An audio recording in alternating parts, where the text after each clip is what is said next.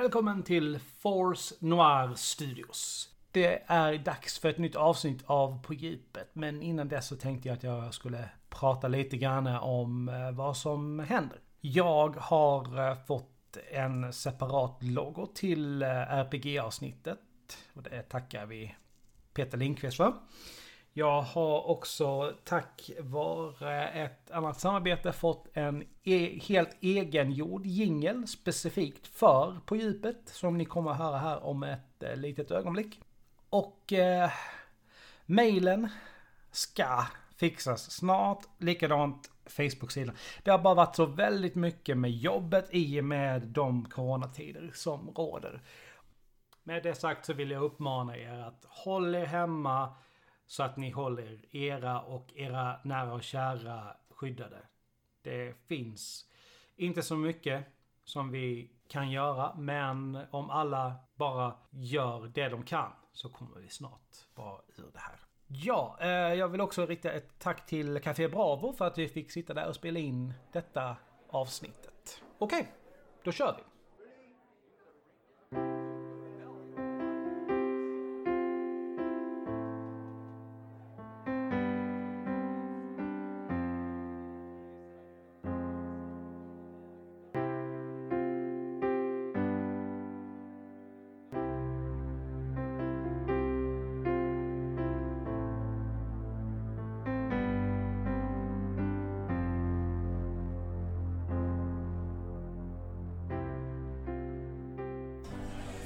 Idag så sitter jag på Café Bravo i Liljeholmen med min gäst. Personen i fråga är Dalmas men bosatt i Stockholm och utbildad skådespelare på Stockholms elementära teaterskola och Malmö teaterhögskola. Jobbat, har jobbat bland annat i Kulleteatern och Pygméteatern. Radioproduktioner för Sveriges Radio och BBC Radio 4. Är stand-up komiker och gör poddarna AMK morgon och Rollspelsklubben. Thomas Eriksson. Goddag, goddag. Välkommen. Tack så mycket. Om jag då bollar över lite grann till dig. Hur skulle du eh, beskriva dig själv om du får komplementera det jag precis har sagt? först, först och främst så måste jag ju eh, känna, jag måste ju själv in på min hemsida och uppdatera min bio känner jag. Den är inte riktigt aktuell? Nej, det, det, det skulle jag inte säga. Eh, det, det, teatrarna, Kullehus-teatern och Pygméteatern, det var länge sedan nu. Jag har varit på andra teatrar efter det. Och sådär. Eh, och eh, podcastmässigt så har jag ju en egen podcast också just nu. Jag gästar ju AMK med i Rollspelsklubben extremt frekvent måste man väl ändå säga. Eh, men jag har en egen podcast som heter Svenskt skämtlinne tillsammans mm. med eh, Pontus Ströbeck. Mm. Annars är det, det stand-up och eh, frilansande. Skriver en hel del till lite olika eh, grejer. Vilket har blivit eh, min kanske, kanske det jag har gjort mest sen jag fick eh, unge. Sen jag blev mm. pappa. Ja, grattis! Tack! för att kombinera det här med att vara förälder jag, har, jag har en... Eh, vi har en sån situation där min kära sambo inte är... Hon lider av något som heter endometrios, vilket gör att hon ja. har väldigt ont och eh, har då haft lite svårt att kunna hantera sonen. Mm. Så att jag har tagit det mesta utav eh, men lyft och liksom ja. den typen av grejer. Det krävs då att jag är mycket hemma. Mm. Han har inte riktigt kommit in på någon förskola ännu. Så därför har jag, har jag försökt kombinera så mycket jobb som möjligt med, eh, med skrivande. För det kan man göra hemifrån och på nätterna. Ja, ja nej, men det, det vet jag också. Jag sitter ju också och skriver manus till min Volvofredag där. Det blir ju ofta på nätterna på jobbet så här man sitter och skriver ihop det man ska ha med. Precis. Problemet är att eh, när du har en liten knodd så vill eh, han vill oftast upp rätt tidigt. Ja. Så att, eh, det, har varit, det har varit en period med väldigt lite sömn. Men äh, det, det går ganska bra ändå. Ja. Mm. Alltså man orkar ju mycket mer än vad man tror när, man, när det väl behövs. Ja, ja, ja. Just det. Mm. Jag jobbar ju nästan bara natt på mitt jobb. Jag, mm. jag har ju löst det. Jag håller mig vaken genom att jag sitter och spelar på PS4. Så här, liksom. Men då får du sova på dagen om du vill. Ja, ja det, det är ju precis det jag tänkte komma till. Där skillnaden ligger. Jag får ju, kan ju gå hem och sova sen. Det, Precis. ja. Men då ska vi se. Är, jag, måste, jag måste bara så här för att jag tycker det är en så jädra kul grej. Och vi pratade om det lite grann innan. Aha. Eh, I, eh, alltså i Back to Beckbury Park i rollspelsklubben. Olas banan. Alltså jag, jag, jag vet, jag sa det, men jag tycker det är så fascinerande. Jag bara ville ha med det någonstans. Alltså, vad, fanns det någon backstory? Alltså bakgrund till det? Plockade han bara fram bananen? Och, och nu, nu pratar vi verkligen om en frukt, ingenting annat så inte någon missförstår. Just det. Men nu, vet, nu vet jag inte, men dina lyssnare, de hardcore rollspelsklubben-fans, kommer de ha, förstå vad det är vi pratar jag om? här? vet att, eh, att eh, i alla fall hälften av dem. Det vet jag. Okej. För vi diskuterar ofta sådana här grejer. Ehm, nej men eh, min, min kära vän Ola har en historia av att äta frukt på väldigt eh, eh, kontroversiella vis. Eh, och särskilt i rollspelsklubben. Det är inte första gången han, han börjar skala en banan som han inte äter. Och det är... Har man spelat, för det här skedde ju i sista timmen, så vi har ju Ja. suttit, vi har ju suttit och spelat i liksom tre och en halv timme podd. Man är trött, man Ja. är rätt slut. Och att då se den här snubben sitta där med sin helt skalade banan och vägra börja äta på den. Det, det, det, det händer någonting i en. Man, eh, eh, det, det, det är någonting som, som kittlar i hjärnan. Alltså det, det är något fel med den bilden som gör att man börjar garva. Jag tror att, alltså, det är klart att mycket är trötthet. Ja, ja. Men eh, nej, det var, no, det var en förlösande faktor. Ja, jag kan bara säga så här. Vill ni se det vi pratar om så gå in på rollspelsklubben på Facebook och titta på klippet. Det, jag tyckte det var vansinnigt roligt. Men vi ska ta och styra över på det vi ska göra. Vi ska slå en tärning här och se vilket ämne det blir. Ja, spännande. Åtta. Civilkurage Kommer upp eller Okej, diskutera. okej. Vad roligt. Mm. Ja, bara för att starta det hela. Jag kan ju tycka så här liksom att civilkurage är någonting som saknas väldigt mycket idag. Mm. Man hör liksom allt för ofta och har, jag har även sett själv att folk liksom bara står bredvid och gör absolut ingenting. I vilken typ av situation tänker du då? Ja men det är ju allt möjligt. Jag har ju Alltså det är folk som har alltså, bråk på, vi säger på perrongen på tunnelbanan. Och jag menar även om man inte behöver liksom kanske hoppa in själv. Det är så, alltså, ofta så bara kan jag tycka att bara höja rösten och göra folk påminna om att det är folk som ser. Ja, Kan ju liksom, men folk gör absolut ingenting. Och så vet jag, och kan ju- är ju väldigt brett, kan innebära väldigt mycket olika saker. Men det känns någonstans som att det är någonting som har fallit bort. Jag minns ju bara min egen barndom där jag kan minnas liksom att vuxna agerade mycket mer och var inte rädda för, för, att, för att säga ifrån. nej, nej. Ehm. det, mm, det, det är ett intressant... Det här, det här är ju lite känsligt för att jag vet ju med mig själv att jag är en fegis. Ehm, det... Alltså jag är... Jag är t- 34, snart 35 år gammal och jag kommer från urskogen liksom, i Dalarna. Och jag har aldrig varit i ett slagsmål. Eh, och det, eh, det hör till ovanligheterna. Men nu är jag, jag är en, nu är jag en, en eh, snackare. Så att jag kan ju prata mig ur de flesta situationer istället. Då. Eh, och jag har, har en historia av att ha varit en väldigt, väldigt liten kille. Väldigt tunn liten sak har jag varit jämt. Eh, är liten och spinkig. Eh, så att eh, eh, civ, eh, civil, ku- civilkurage för mig förr i tiden handlade väl då, då var jag nog mer i andra änden utav det. Att jag önskade att det fanns andra människor som skulle kliva in och kanske rädda mig ifall jag råkade ut för något. För jag är så här, jag ligger på bra, alltså på andra skalan där verkligen. Jag har ju svårt att säga, liksom vara tyst om jag ser någonting istället. ja. För det var ju, men jag såg ju någonting eh, hemma där jag bor var, som jag då i alla fall var helt övertygad om höll på liksom att bli en våldtäkt. När två killar liksom har trängt in en tjej i ett, i ett hörn på en parkering. Ja. Och jag ställer mig liksom bara och fullständigt bara liksom vrålar på dem. Och de blir, de, ja, det är kanske tur, men de blir så pass ställda så att de vänder och går därifrån. För att de, det var någon som, för att det var någon som såg. Ja. Men, ja, men det, det är ju det där som är... Mm, för att eh, jag vill ju...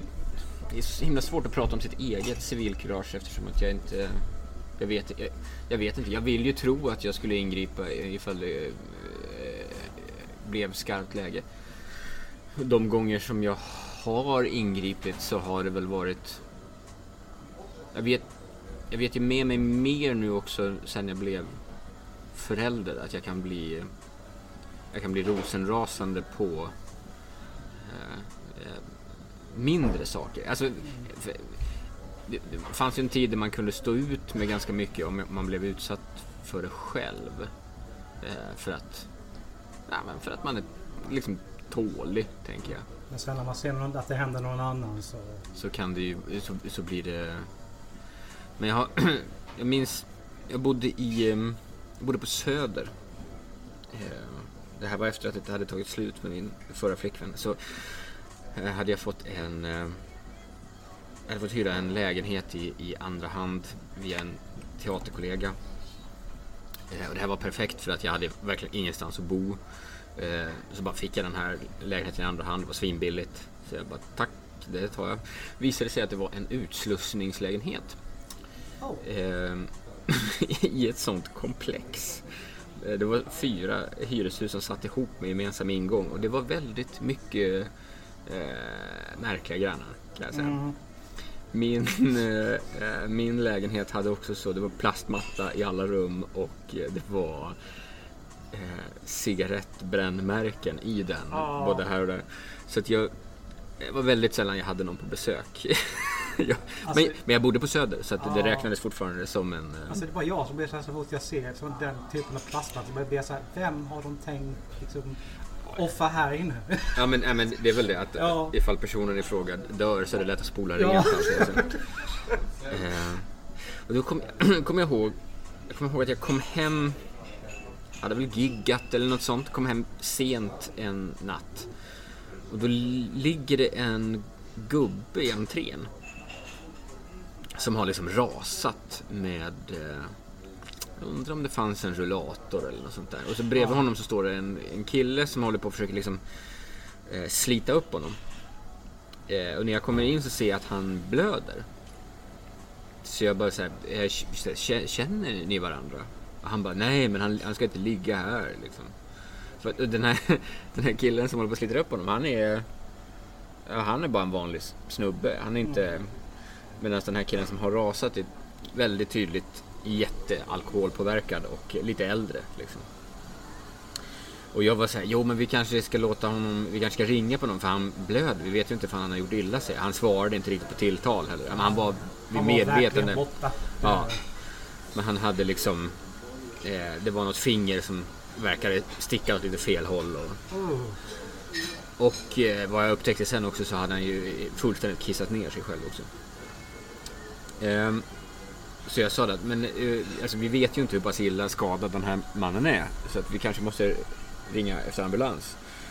Och Och då var vi den här snubben ja men, ja men då får du göra det. Och så, så landade han och så, så gick han.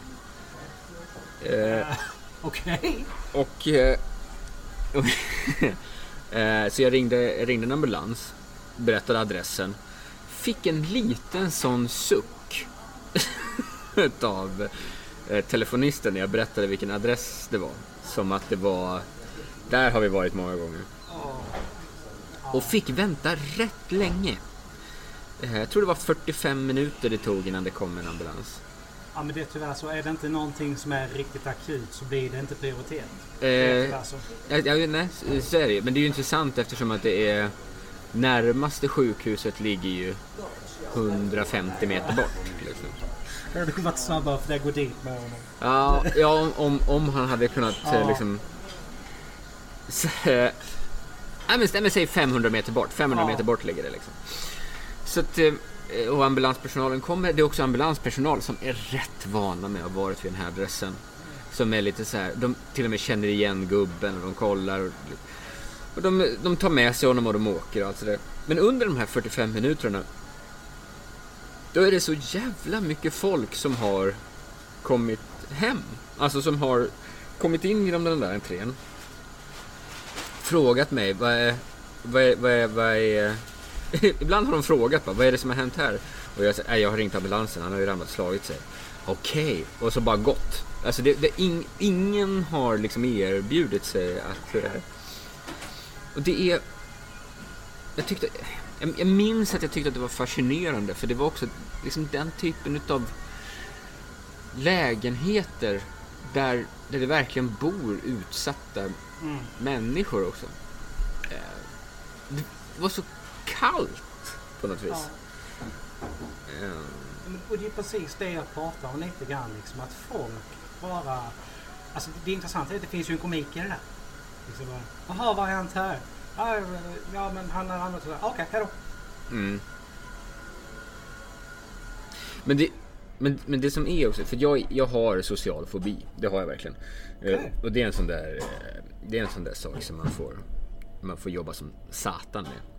Men det, det, är också ganska vanligt människor som pysslar som står på scener och sådana saker. Det, det hör till, det är som KBT-terapi.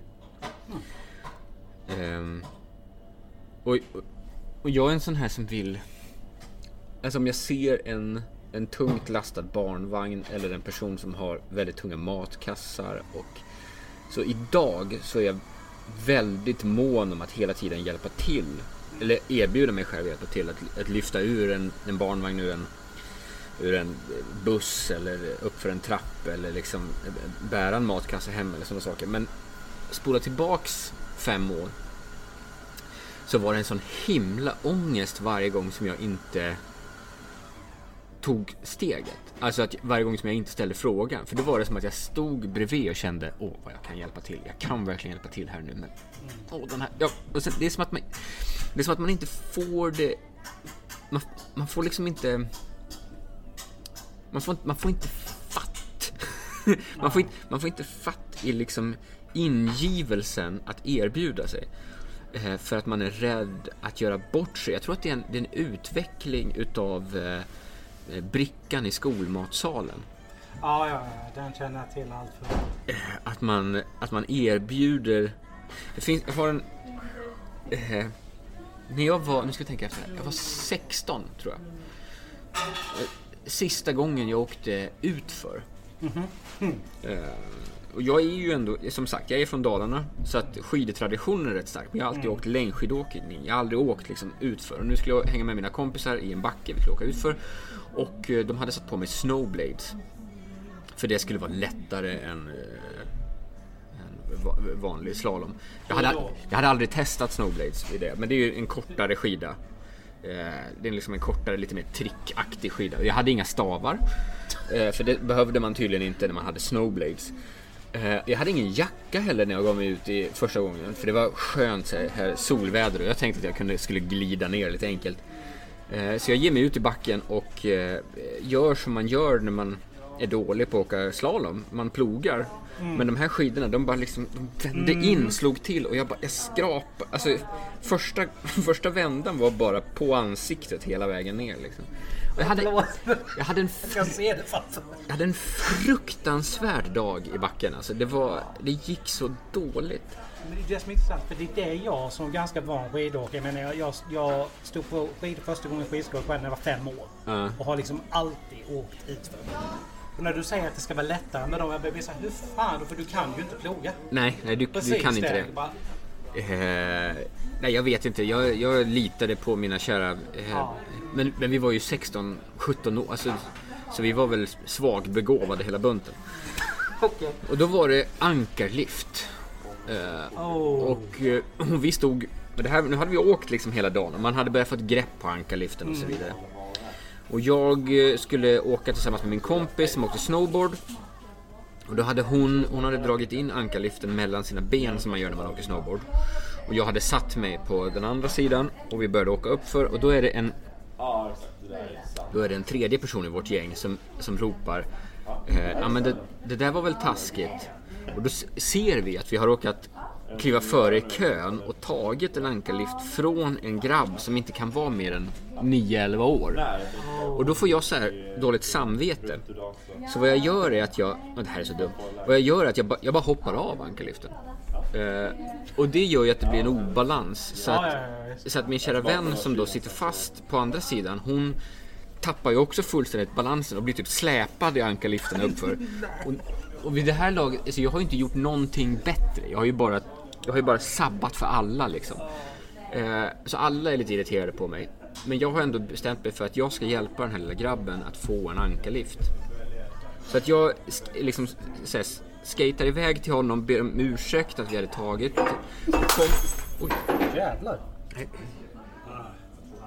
det var... Eh, det var ett glas som gick sönder i bakgrunden. Ja. Ehm, ja, eh, får tag i en ankarlift, eh, sträcker ner den till gossen och släpper. Och den här gossen är inte tillräckligt med eller stark så han får den i ryggen eh, så att det, den slår omkull honom. Så att han, eh, han, han åker rätt ner i backen.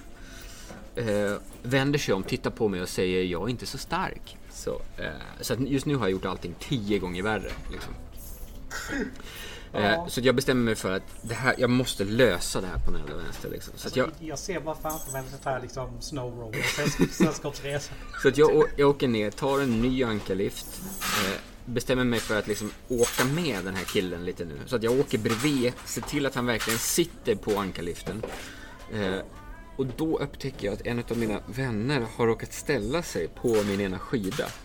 Så att jag snubblar. Eh, drar med mig ankarliften. Tappar den så att den här lilla gossen får den i ryggen en andra gång. Och liksom, ja.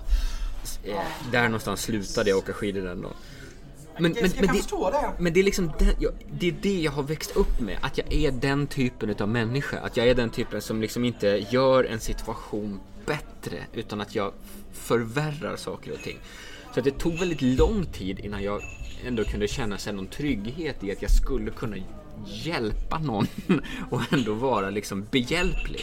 För jag har liksom med mig att jag är ett klantarsel. Det kan ju, det kan ju både, det kan ju jag skriva under för. Jag har, jag, Att jag är ett klantarsel? Nej, nej. Att, att jag, jag gör jättelätt sådana här grejer också. Men det är så här, jag har ju en historia liksom av att mobbad från första dagen i skolan fram till nionde klass. Mm. Men på något sätt har det gjort att jag har blivit ännu mer benägen istället. Att hjälpa andra. Ja. Så det har, jag har ju liksom alltså verkligen vilket är rätt intressant för det är ju lätt att gå bara precis tvärtom. Då är det, "Ja, men alla andra skiter i mig, då skiter jag i alla andra också. Ja, just det. jag har gått precis rakt på andra spåret istället. Ja, och jag, jag hade snarare någon sån där... Eh, jag genomgick någon form av förvandling årskurs Tack. Alla. 8, eh, 8, 9. Där jag eh, lyckades lära mig att jag kunde använda det här högljudda, jobbiga som hade gjort att jag inte hade haft typ några vänner alls. till att börja använda det som humor istället. Och så här, fokusera det lite mer och faktiskt få lite vänner. Ehm, så att jag gjorde någon form av sådär, eh, ja, klassresa för att vara rolig. Mm. Och då, och då blev man snarare skraj. Att man skulle hamna på fel sida igen. Att man skulle hamna i onåd igen. Så att, så att det är snarare som att jag har, när jag växte upp, kanske gjort tveksamma saker i, i rädsla för att hamna där igen. Liksom. Men det är så, det är, ju det som är intressant med att med att bli äldre och se tillbaks på vem man har varit och försöka, försöka sträva mot att bli någonting som är bättre kanske. Men jag brukar säga så här, liksom, det är inte ett misstag egentligen om du har lärt dig någonting av det. Nej. Det- Då, då är det inget misstag helt plötsligt. Visst, det var tråkigt kanske men jag Ja. lärde mig någonting, jag kom ett steg framåt. För, ja, om man, om man gör det. Mm. Så är det. Sen tar väl olika steg tar väl olika lång tid. Men mm, Ja, men alltså, jag, jag tror just det som du pratar om så liksom att det blir ju så mycket svårare kanske och man vill verkligen men om du då har en social fobi så går det ju kanske liksom bara inte att ta sig över det för att hjälpa till. Man vill så gärna. Och det är ju någonting som är väldigt intressant i liksom den här diskussionen tycker jag. För att jag tror att folk gärna glömmer bort det. Att det finns så många saker bakom till varför folk inte agerar. Mm. För jag tror nog någonstans att alla vill nog kanske agera. Men sen finns det så många anledningar till varför man inte gör det. Och man glöm, alltså, folk som står runt omkring kanske ser det, glöm gärna bort det. Ja. Så det, det, det, är jätte, det är en jätteviktig grej att lyfta liksom. Men sen är, alltså jag är så också så här, jag kan bli så imponerad. Min, min sambo är, hon har, hon har ett otroligt civilkurage. Mm. Eh, på, ett- Okej, det där kan jag... Jag bara ställer in och fejdar ut det där. Så. på ett sätt som eh, eh, på ett sätt som jag kan bli avundsjuk på. Liksom. Eh, hon... Eh, men å andra sidan så, så kanske hon har lite för mycket civilkurage också. Hon, hon, kan ju, hon kan ju också reagera på saker där jag kan känna att fast det här, den här gången fanns det ingenting riktigt att reagera på. Nu är det bara en, nu är det bara en människa som gör saker på ett sätt som du inte håller med om. Det, det behöver inte... Eh, du behövde inte läxa upp den här människan men, men alltså, det, det, det, det är så intressant. Jag har ju alltid jag har skrivit ner lite grann frågor kring varje ämne bara för att kunna ta upp. Och det är faktiskt just en av de där liksom. Var går den gränsen? Ja. För att du helt enkelt inte håller med gentemot att det faktiskt var någonting du behövde ingripa i. Ja, precis. För alltså, det, är ju, det är ju i gråzonerna som, eh, som, det blir, som det blir jobbigt. Och det är oftast efteråt som man kan prata om huruvida det hade varit viktigt eller inte att ingripa. Det, sen är det klart, det är bättre att ingripa en gång för mycket än en gång för lite. För att, men det är enklare att be om ursäkt för någonting du har gjort än att inte agerat alls. Precis. Precis. Nej, men det vet jag, så jag satt ju på tunnelbanan för um, några månader sedan.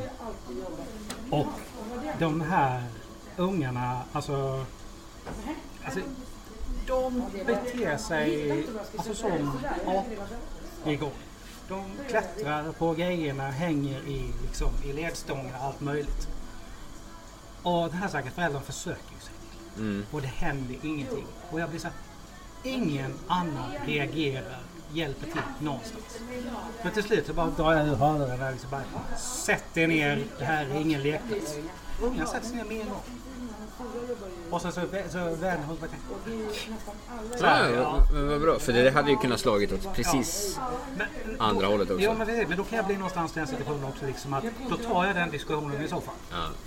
För att det är, jag tror det är rätt viktigt, alltså speciellt för barn att sända en signal också liksom att omvärlden accepterar inte att ni gör vad som helst. Nej, nej så är det ju. Eh, Men, men vi har ju hamnat i en... eh, Vi har ju hamnat i en värld där man är väldigt mån om... eh, Man är väldigt mån om sitt. Alltså att, att föräldrar kan bli väldigt kränkta ifall andra människor går in och försöker fostra ens barn. Jag blir fruktansvärt lättkränkta just nu. Det är, Ja, det är vi. Och det är på två vis. Det är också ganska nyttigt att vi är det för att det kommer ju från någonstans. Eh, det är ju en reaktion på någonting. Eh, och det måste man komma ihåg. Alltså lättkränktheten gör ju mitt jobb jättejobbigt emellanåt. Eh, för jag menar, hur många kollegor har inte jag som har hamnat i drev på helt absurda liksom, grunder bara därför att människor med väldigt stora plattformar har ja, har jag kan komma ihåg speciellt en som jag såg på Twitter. Jag tror du kan tänka mig vilken. eh, jag, jag, jag, jag kan tänka mig flera så att jag vet ja, inte. Ja, nej, men jag, jag, vill inte, jag vill liksom inte slänga ut någon. Det är därför jag låter bli nämna namn. Men det har ju funnits grejer där man har kunnat se på Twitter liksom. Och det är så här, varför behöver du bli stött av det? Ja. Eh, Det finns ju säkert en anledning, absolut. Men ja men, nej, men det, alltså, det, som är, det som är farligt är ju att... Eh, efter, eftersom informationen fungerar som det gör idag. Vi, är ju, vi, vi tillhör ju en, eh, en generation som inte gillar att, läsa för mycket. Utan vi tar gärna till oss snabba åsikter istället för att det, det triggar belöningssystemet på ett helt annat sätt. Och så ifrågasätter vi inte var informationen kommer ifrån eller... Nej, precis. Så att, eh, jag menar, click, clickbait är ju, är ju liksom vår, det är ju den här tidens stora rubrik, skulle man kunna säga. Eh, vilket är roligt eftersom clickbaits ofta är rubriker. Är, är en åsikt tillräckligt enkel och provokativ så kommer den få följare. För att folk, folk tycker om att ta ställning. Det är, det, det, det, det är viktigt för människor att ta, att ta ställning idag. Och då att ta ställning på enkla saker. Så att man, eh, man, har, man, har en, man har en komiker som drar ett opassande skämt. Och då eh, är det viktigt att, att ta ställning emot den komikern för att man är emot pedofili. Och det är, så här, det är väldigt få komiker som är för pedofili. Ja, det har, jag Eh, väldigt svårt att tänka mig. Att, Eh, Jag Att kan, vara- jag kan tänka mig en som jag vet är dömd. Men annars så är det eh, väldigt få som är... Han som är dömd drar inte ens skämt om det. Nej, det är väl rätt smart. Ja. Så...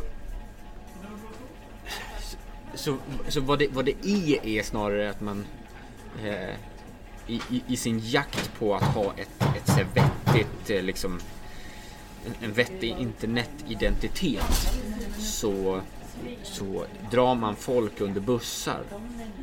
Eh, man, man, man, man offrar folk lite här och där för att, för att visa sig själv vara någon form av ja, men godhetsryttare. Liksom.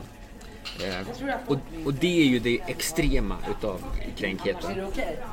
Det, det som är positivt med kränkheten, det är ju det att vi, vi måste också någonstans komma ihåg att saker vi säger och gör påverkar människor. Och det finns också väldigt många människor som gör saker och ting utan att tänka ett steg till. Och, och, och eftersom att informationsflödet ser ut som det gör så måste vi också eh, komma ihåg att vi har ansvaret att tänka ett steg till. Eh, precis på samma sätt som människorna som startar drev har ansvaret att tänka till vad deras ord medför så, så har vi samma, samma liksom, Ja, nej, men visst, alltså bara för att du då tycker att någonting är fel så, alltså, och den personen då har gjort någonting som du kanske anser skada någon annan. Så kan du ju inte börja skada den personen bara för att nej. liksom, bara för att köra det här drevet då eller någonting. För då är du ju helt plötsligt precis lika dålig som den personen du försöker... Alltså det, det går ju inte ihop då. Nej, det är ju en, det är en svans som, som liksom biter sig själv. Ja. Och, och, och sen så fastnar man i det där hjulet. Liksom. Eh, men jag, när jag började, när jag började på Teaterhögskolan så började jag läsa genus för första gången. Och jag har inte aldrig varit i, har aldrig varit i kontakt med genus eh, eh, liksom, teori innan dess. Och det gjorde att jag blev lite utstött skulle man kunna säga. Okej. För att eh, de, alla andra i min klass var ganska införstådda med begreppet innan. Och begreppen. Eh, och saker, alltså hur... Du Hur... får gärna utveckla det är lite grann. För jag exempelvis vet ju inte alls. Alltså när du säger genus. Det blir så här, jag känner till ordet men... Ja, men, eh, om, om vi tar i en, ur en teatral synpunkt. Mm. Så vad som är intressant är att som, som skådespelare så är historiskt sett så är i princip alla manus skrivna av män eh, för män. Och kvinnoroller är eh, horor eller jungfrur. Så, är, så, så, så ser den, så ser den så här, i grova drag eh, historien kring eh, dramatik ut. Liksom. Och, Därav den liksom debatten om starka kvinnliga karaktärer. Precis. Och eh, det här gör ju att eh, teatern är ju ett av, ett av de få medier som är, är väldigt pigga på att hela tiden plocka in gamla prylar. Jag vet inte, alltså man ska, man ska ju sätta upp åtminstone en Shakespeare-pjäs om året eller man ska sätta upp en grekisk tragedi om året och man ska sätta upp en Molière-fars om året liksom. Och alla de här är ju vidrigt gamla och innehåller ju saker som är Alltså som inte hå- håller kanske den standard rent jämställdhetsmässigt som, som dagens värld gör. Liksom så. Utan då tolkar man och så gör man sådär. Men för att kunna göra det så måste man synliggöra de här, eh, den här problematiken. Och om man då till exempel går på Teaterhögskolan eh, innan eh, de åren som jag gick där så, eh, så var det ganska så vanligt att man sa till allihopa att ni kan spela vilka roller ni vill. Liksom. Ni kan spela vilka ålder ni vill, ni kan, ni kan spela djur, ni kan spela liksom så här, vad ni vill. Men sen när det väl delades ut roller så var det ändå så att killarna spelade killroller och tjejerna spelade tjejroller. Och det här gör någonstans det ganska intressant. För att då är det som att man säger att ni kan göra vad ni vill. Eh, men, men man gör det inte. Så. Nej, alltså det blir lite grann som du säger till barn. Liksom att, liksom att säga om barn att de gör inte som vi säger, de gör som vi gör. Precis. Och det blir ju så... Alltså det blir ju jättekonstigt någonstans. Och sen, och sen eh, och det är någonstans i det eh, så, så pågick ett arbete medan jag gick i skolan som heter Att gestalta kön som egentligen eh, där man undersökte vad det var egentligen som var för att egentligen så är det så himla konstigt för om man bara plockar bort eh, könsbenämningarna på dem och bara tittar på vad de faktiskt gör. För, om- särskilt om man är skådespelare och spelar efter någon form av Stanislavski-metod så handlar det inte om att man spelar känslor utan det handlar om att man spelar verb. Alltså man, man, man gör saker, man agerar. Eh, och om man då bara tittar på vad en karaktär gör för olika val i en pjäs så, så, borde det inte spela någon roll vilket kön personen har. Eh, och där någonstans så börjar hela diskussionen och sen så eh, mynnar den ut i att man eh, synliggör den typen utav skillnader även i samhället och, och vad man själv gör som, Okej. som man och så vidare. I, i, för att vi, vi lever ju eh, som vi gör med, och den, den vita mannen har haft företräde i jämt. Ja men det var ju som det. jag och en, en kompis sa. Liksom, menar, vi tillhör ju liksom verkligen de som är privilegierade om någonting. Liksom, vita män någonstans. Vi har aldrig egentligen haft de här svårigheterna. Och kanske därför också det blir lite svårt för oss att föreställa sig hur det faktiskt är. Ja, och det är också därför som det finns så många sådana som blir kränkta för att de helt plötsligt hamnar i en situation där de kanske måste ta ett steg tillbaka och det har de aldrig behövt göra förut. Eh, och det är, väl, det är nyttigt men det är också väldigt hämmande för jag upptäckte jag, hade, alltså jag skrev så himla mycket innan jag kom in på Teaterhögskolan. Men sen när jag väl var där så upptäckte jag att jag var en vit man i 20-årsåldern som bara skrev texter om kärlek. Och då insåg jag att det här, det finns det en miljard andra män som gör. Och då blev vartenda ord som jag skrev blev bara så här tomt. jag, jag, jag fattade inte vad det var jag... Jag, jag, jag fattade inte vad, vad jag skulle ha för funktion i det liksom.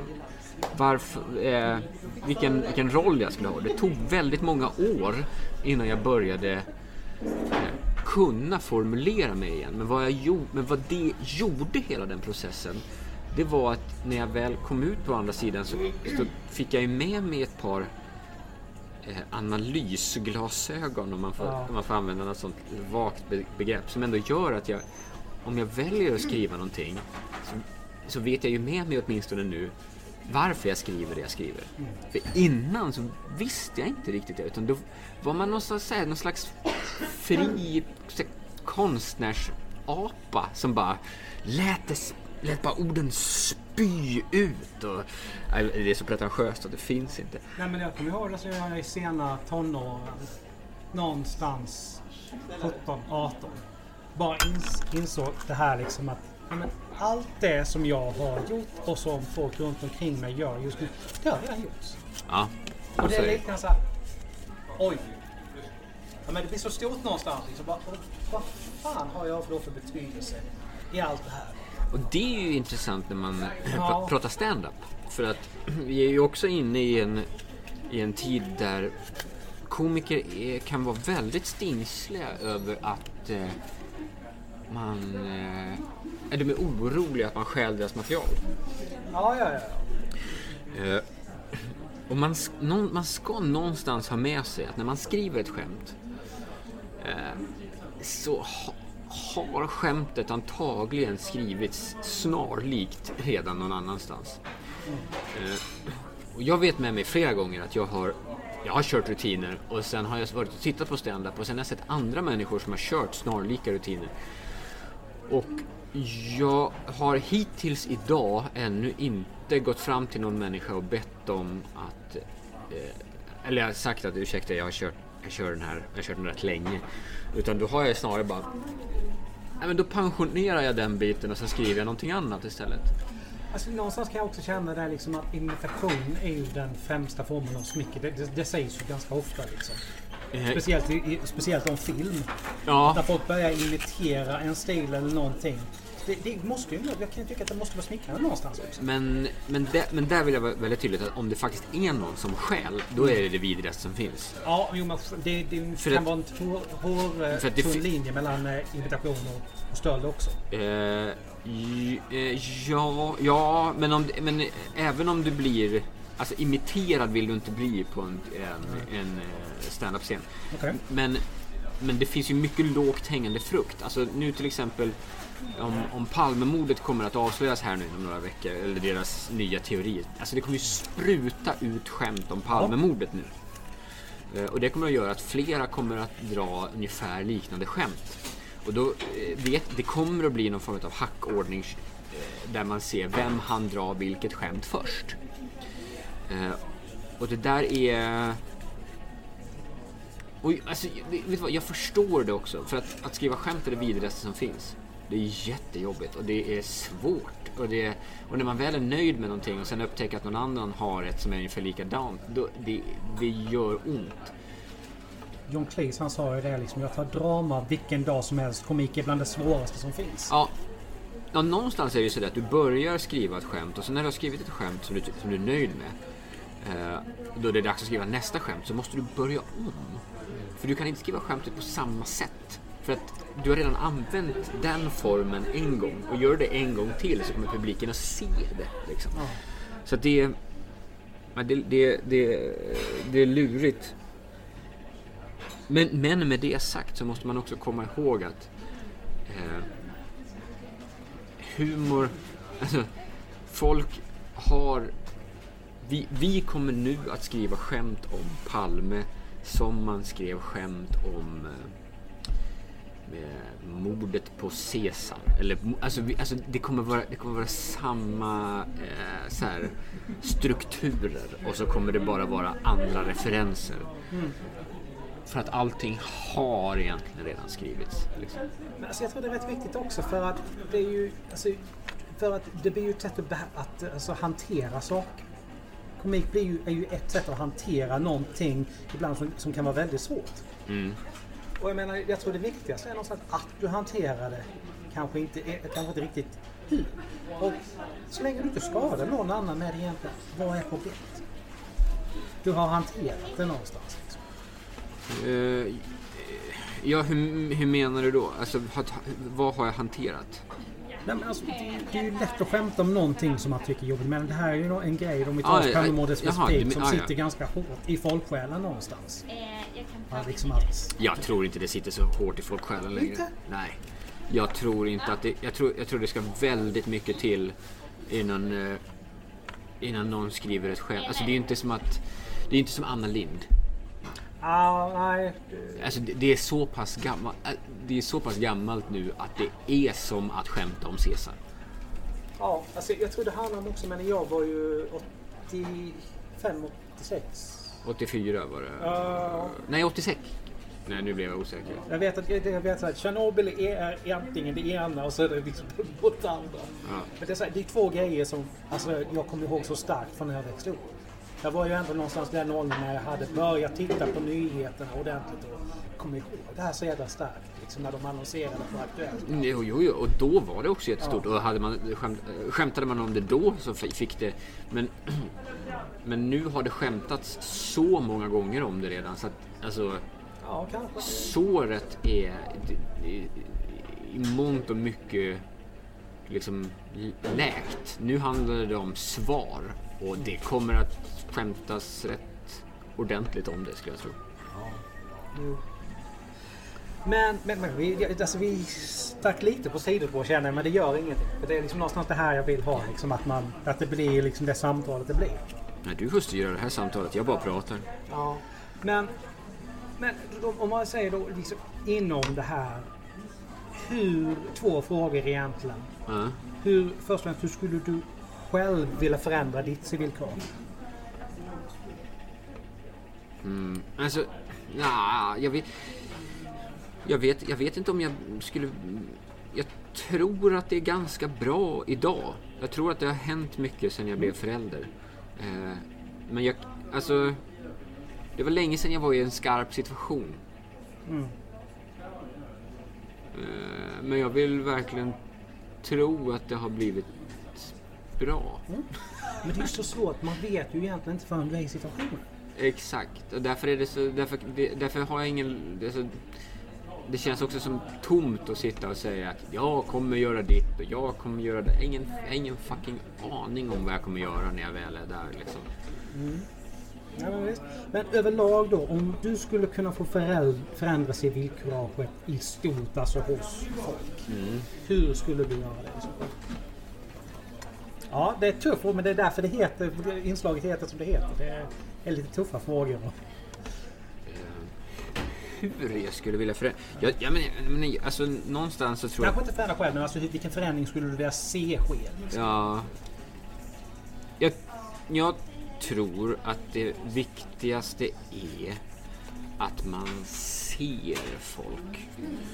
För jag, jag, vet- jag vet att eh, jag vet att det, det sitter många människor och är bittra över att vi har blivit någon form av eh, mobilsamhälle som, som aldrig möter blicken på tunnelbanan och pendeltåg. Men jag kan berätta att jag åkte tunnelbana och pendeltåg redan innan smartphonesen och då satt man och läste tidningar istället. Ja. För då fanns det fyra eller fem olika tidning, gratistidningar i tunnelbanan som alla satt och hade en varsin och läste. Så att folk har aldrig velat sitta och titta varandra i ögonen på tunnelbanan. Den, den som har den sjuka föreställningen om att, att det någon gång i Sveriges historia har suttit massa människor och tittat, varandra- alltså massa främlingar i tunnelbanan och tittat varandra i ögonen och haft det mysigt och underbart. De vet inte vilken kultur det är vi har haft och fostrar i det här landet. För att vi är, eh, vi är enstöringar. Så är Ja, det men bara. det är något väldigt svenskt över det. Ja, och för min del, jag är väldigt förtjust i enstöringssamhället för att jag har social fobi. Eh, så jag, jag trivs väldigt bra i det. Men det kräver också att vi eh, någonstans är beredda att ta hand om varandra ifall, ifall det, det bryts på ett, ett våldsamt och inte okej sätt. Liksom. Eh, och, och just den omtänksamheten. Öv, överlag så kan jag få känslan av att vi inte vi är inte så omtänksamma längre. Ja. Vi, är inte, vi är inte så... Vi, inte, vi, vi har dålig koll på vilka våra grannar är. Vi är lite så här... ehm, och, och det, det, det är något fundamentalt eh, viktigt i att man...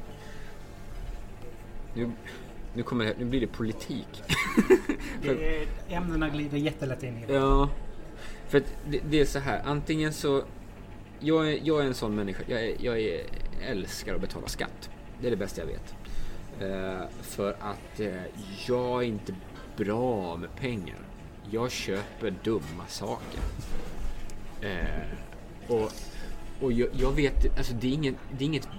Man vill inte ha ett samhälle där människor som mig får pengar så de kan köpa dumma saker. Vad man vill ha är ett samhälle där människor eh, längtar efter att få punga in saker till en gemensam pott som gör att man har vård, skola, omsorg Ja. och att man tar hand om varandra. Det är inte ett perfekt system, men det funkar rätt bra. Alltså, perfekta system existerar Nej, inte. det- Eh, Mänsklig girighet finns överallt och så vidare. Men jag, jag ser ändå hellre någonstans att, eh, att jag gärna är, jag är gärna en del av något större än att jag försöker göra mig själv stor. Ja, det kan jag skriva under till 100 procent. Definitivt. Och, och, och idag så är det så jävla trendigt i att försöka göra sig själv stor hela tiden. Eh, det är det som är identitet idag. Du är, du är någon ifall andra människor vet vem du är. Du är inte någon genom att du bidrar med något. Och jag vet att jag blir hycklande eftersom att jag på, till viss grad också är offentlig. Liksom. Men, men det, man måste också på något vis fråga sig själv vad är det man bidrar med. Ja. Nej men alltså det, det är någonting jag verkligen kan känna att jag kan sträcka mig för. Jag bidrar ju verkligen genom att göra, visserligen bara en person, men en persons liv så mycket bättre. Ja just det, Så precis. att det, men jag tänkte på det du sa innan. För att, alltså, där kan jag känna, jag, jag bor ju i ett lite mer kulturberikat område för att använda en fras jag inte riktigt gillar. Men, Mm. Alltså med, med eh, mycket inflyttat folk, alltså icke-svenskar. Det finns ingen bra ord för det. Men jag kan säga just på grund av att det bor så många där liksom av icke-svenskt ursprung. Så vet jag, alltså tack vare dem, i stort sett vilka alla i hela huset är. Och vi hälsar på varandra och säger, och det är just därför att det, är det här typiskt icke-svenska inte finns där. i Sverige. Jag med, en av de få för svenskfödda som bor i det huset. Ja, ja. Men jag hälsar på alla jag vet och det är för att de har tagit den kontakten från början. Och också det här med tanke på vad du sa innan, liksom att det, det händer ju faktiskt lyckligtvis att folk backar upp varandra. För jag hamnade i en, vad som kunde blivit en riktigt våldsam situation i tunnelbanan. Mhm. Och Det var en som står och trycker upp dörrarna. Och vi kommer ingenstans. Han annonserar liksom i högtalarna flera gånger. Släpp dörrarna. Till slut så tröttnar jag och jag ställer mig upp. Släpp dörrarna eller gå av. Och då ska ju han börja gå till våldsamhet. Men då, då reser sig tre pers bakom mig upp liksom och bara nej. Det där gör vi inte. Ja. Och då gick han av istället. Så det händer faktiskt lyckligtvis att folk faktiskt backar upp varandra. Ja. Och det, jag, blir så, jag blir så glad varje gång jag ser det. Ja. Den typen utav uppbackning är nog...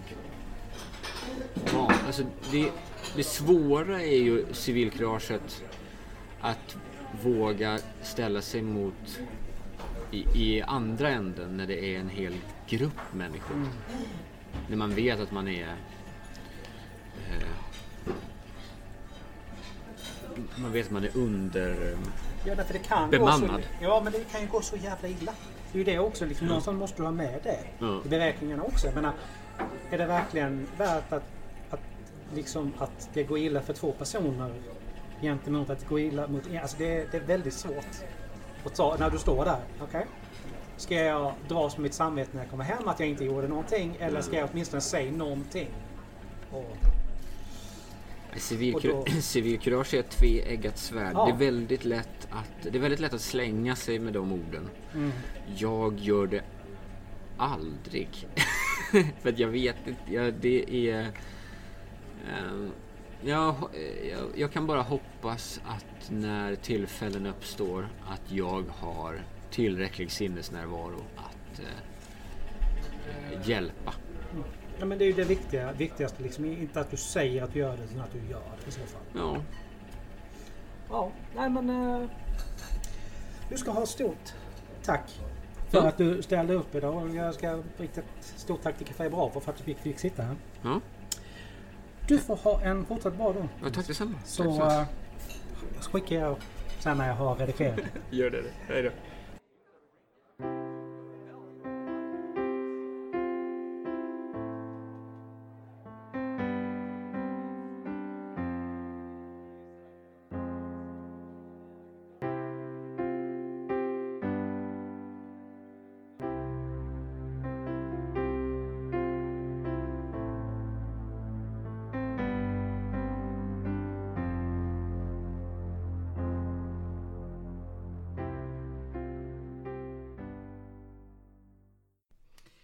Tack för att du lyssnat på dagens avsnitt.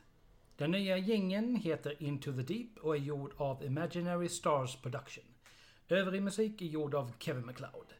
Tack till Café Bravo i Liljeholmen för att vi fick spela in hos er. Ha det bra, så hörs vi snart igen. Stay tuned.